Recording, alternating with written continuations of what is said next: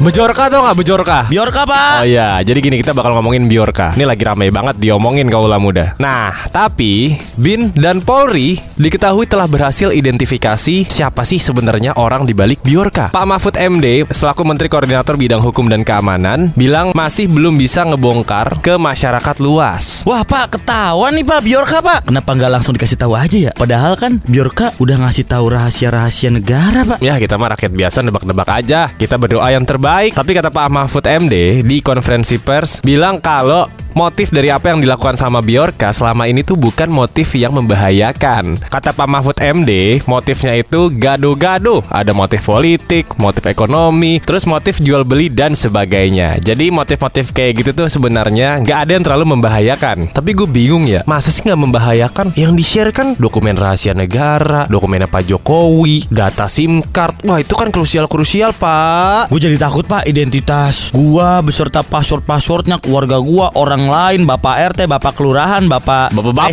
presiden. ibu-ibu, bapak-bapak siapa yang punya anak? Ibu-ibu, bapak-bapak siapa yang punya nyanyi Pak?